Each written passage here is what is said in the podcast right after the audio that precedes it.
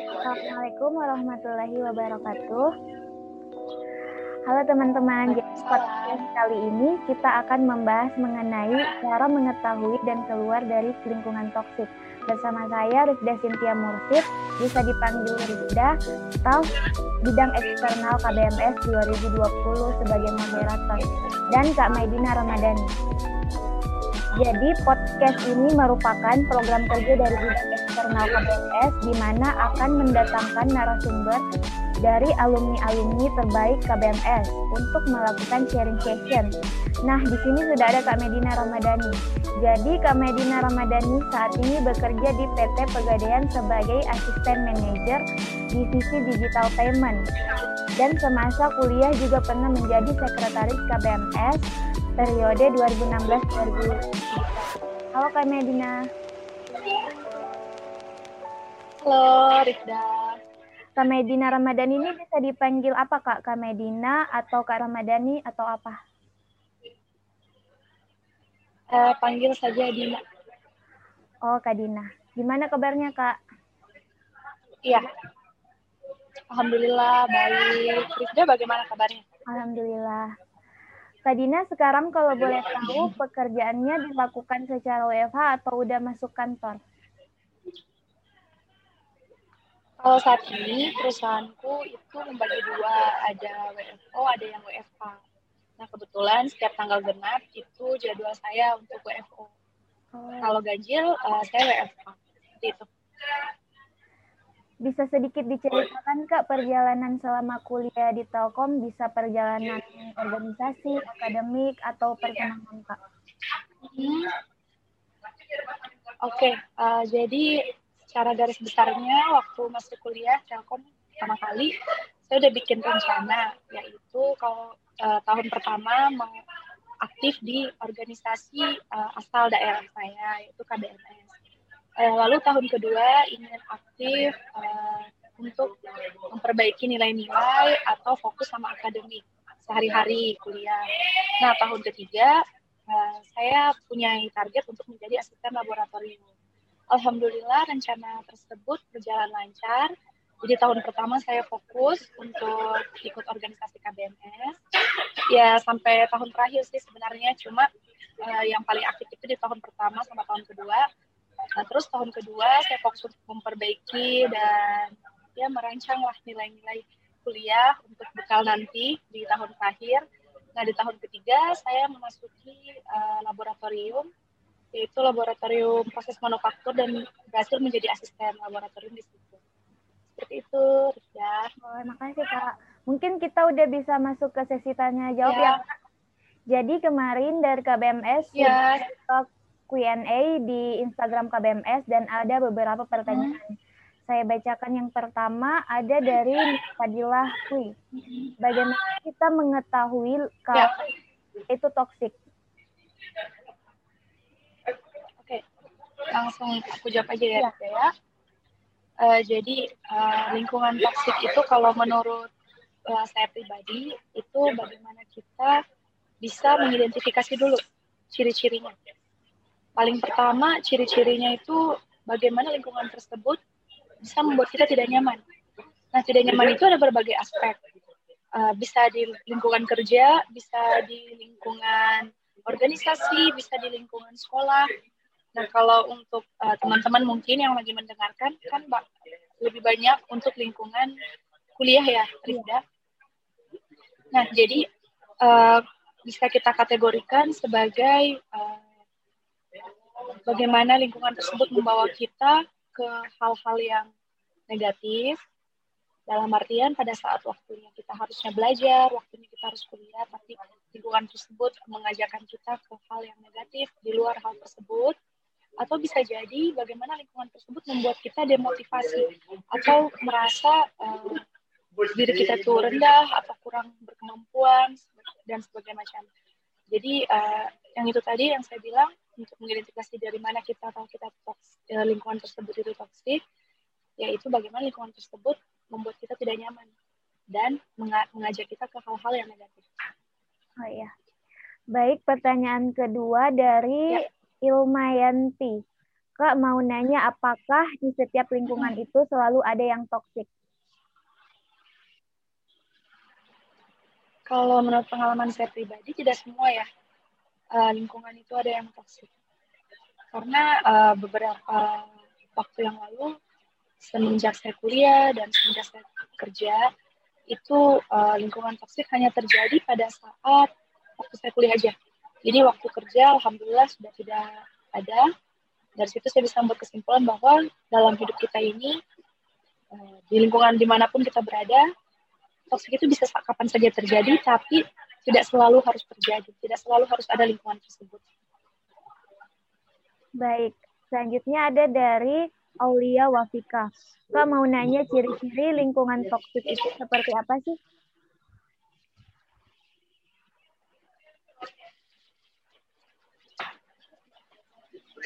Oh ya, uh, jadi ciri-ciri lingkungan toksik itu seperti yang tadi saya katakan, yang paling pertama yaitu membuat kita tidak nyaman. Membuat kita tidak nyaman bisa berarti membuat kita jadi kurang termotivasi atau membuat kita menjadi merasa terlalu merendah diri atau membuat kita menjadi tidak uh, membuat batasan-batasan terhadap diri kita. Uh, contohnya, misalkan uh, dalam suatu lingkungan itu terdapat beberapa orang yang selalu harus dijaga perasaannya karena selalu marah-marah contoh atau tidak senang melihat temannya senang. Itu itu salah satu ciri-cirinya. Uh, dan uh, bisa juga dalam da, tidak harus selalu dalam bentuk sikap tapi juga dalam bentuk uh, perilaku atau kebiasaan-kebiasaan negatif kebiasaan-kebiasaan buruk. Semakin kita merasa bahwa kita sudah mulai terpengaruh oleh kebiasaan-kebiasaan buruk bisa teman-teman kategorikan sendiri ya kebiasaan buruk itu seperti apa, maka itu bisa dikategorikan sebagai ciri-ciri lingkungan yang toksik. Seperti itu. Baik, Kak. Selanjutnya ada dari at ILF Mary. Kak izin bertanya apakah keluar dari lingkungan yang toksik merupakan jalan terbaik atau ada cara lain untuk merubah lingkungan tersebut? Terima kasih. Oke, okay. uh, eh, kalau misalkan ya keluar dari lingkungan toksik, sepertinya itu jadi cara umum bagi bagi beberapa orang untuk menghindari lingkungan tersebut. Namun kalau misal ada opsi agar kita bisa merubah lingkungan tersebut, itu tergantung. Saya rasa tergantung dari uh, beberapa jumlah orang atau berapa jumlah anggota dalam lingkungan tersebut. Kalau misalkan nih kita berada di uh, lingkungan persahabatan, misal terdiri dari satu sampai empat orang, dan kita ingin berusaha mengubah lingkungan tersebut, ada kemungkinan bisa. Cuma uh, ya tergantung lagi ya dari lingkungannya, apakah orang-orangnya memang mau berubah atau tidak. Nah, uh, yang sulit itu ketika lingkungannya terdiri dari banyak orang. Saya rasa tidak mudah untuk uh, menyatukan beberapa pikiran sesuai dengan apa yang kita mau atau sesuai dengan apa yang menurut kita tidak toksik. Jadi secara umum cara paling utama ya menghindari lingkungan tersebut. Menghindari lingkungan tersebut. Kalaupun ingin dirubah mungkin dipertimbangkan dulu. Apakah orang-orangnya uh, jumlahnya sedikit atau banyak? Seperti itu. Baik. Ada dari Ed Deapati. Kak, kalau misal lingkungan yang toksik itu dari keluarga sendiri, cara mengatasi hal itu bagaimana? Oke, uh, ini cukup sulit ya, ya. karena uh, tidak jarang di lingkungan keluarga kita juga ada yang toksik. Kalau bisa dikasih contoh seperti membanding-bandingkan kita dengan sama keluarga lain, uh, atau tidak menghargai pencapaian-pencapaian seperti itu, itu bisa bisa juga terjadi. Nah, uh, karena keluarga merupakan akar paling utama dalam kehidupan kita, mungkin uh, menghindari bukan uh, pilihan yang mudah, tapi bisa saja bisa saja dilakukan. Namun mungkin bukan suatu uh, pilihan yang mudah karena kita akan selalu berhubungan. Nah, uh, cara untuk menghindarinya bukan menghindari sih, uh, lebih ke bagaimana menghadapi lingkungan yang seperti itu di dalam keluarga, yaitu kita menerapkan batasan-batasan dalam diri kita. Contoh, misalkan uh, sudah ada, misalkan setiap pertemuan keluarga ada pembicaraan-pembicaraan yang menurut kita akan membuat kita tidak nyaman, maka kita membuat batasan terhadap pembicaraan tersebut. Kita bisa mengalihkan pembicaraannya, atau kita bisa uh, workout dari situ tapi dengan cara yang sopan seperti itu. Jadi uh, mungkin lebih ke bagaimana kita membuat batasan terhadap diri kita, tapi uh, tidak langsung menghindari menghindari secara signifikan ya karena itu keluarga itu kita akan selalu bertemu seperti itu. Baik, terakhir dari Ed Andi underscore Maul. Kakak mau tanya apa lingkungan toksik itu selamanya negatif? Uh, kalau dilihat dari namanya, ya. toksik yaitu beracun, menurut saya itu ya akan selamanya negatif. Jadi um, toksik itu bisa dianggap berbeda-beda sih sebenarnya pengertiannya bagi orang, tapi semuanya cenderung mengarah ke hal yang negatif. Baik itu negatif terhadap perkembangan diri kita, negatif terhadap keadaan psikologis kita secara pribadi, ataupun negatif terhadap uh, bagaimana kita bisa mengelola uh, kehidupan kita sehari-hari seperti itu.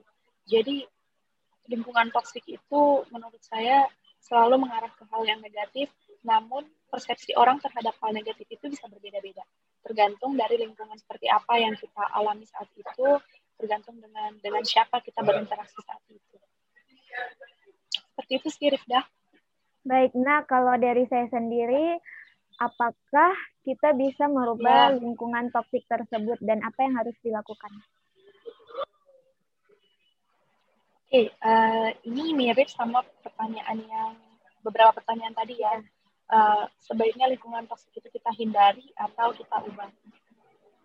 Kalau menurut saya tetap pada persepsi saya pada yang di awal bahwa mengubah lingkungan toksik itu tergantung dari berapa orang yang ingin kita ubah dan bisa kita ketahui juga bahwa mengubah uh, sikap orang atau kebiasaan orang, karakter orang itu tidak selalu uh, mudah untuk dilakukan ya. Jadi uh, sebaiknya kalau misalkan ingin uh, memutuskan untuk mengubah itu, kita analisis dulu orang-orangnya berapa orang, bagaimana karakter orangnya, dan uh, apakah hal tersebut tepat diimplementasikan di orang-orang tersebut.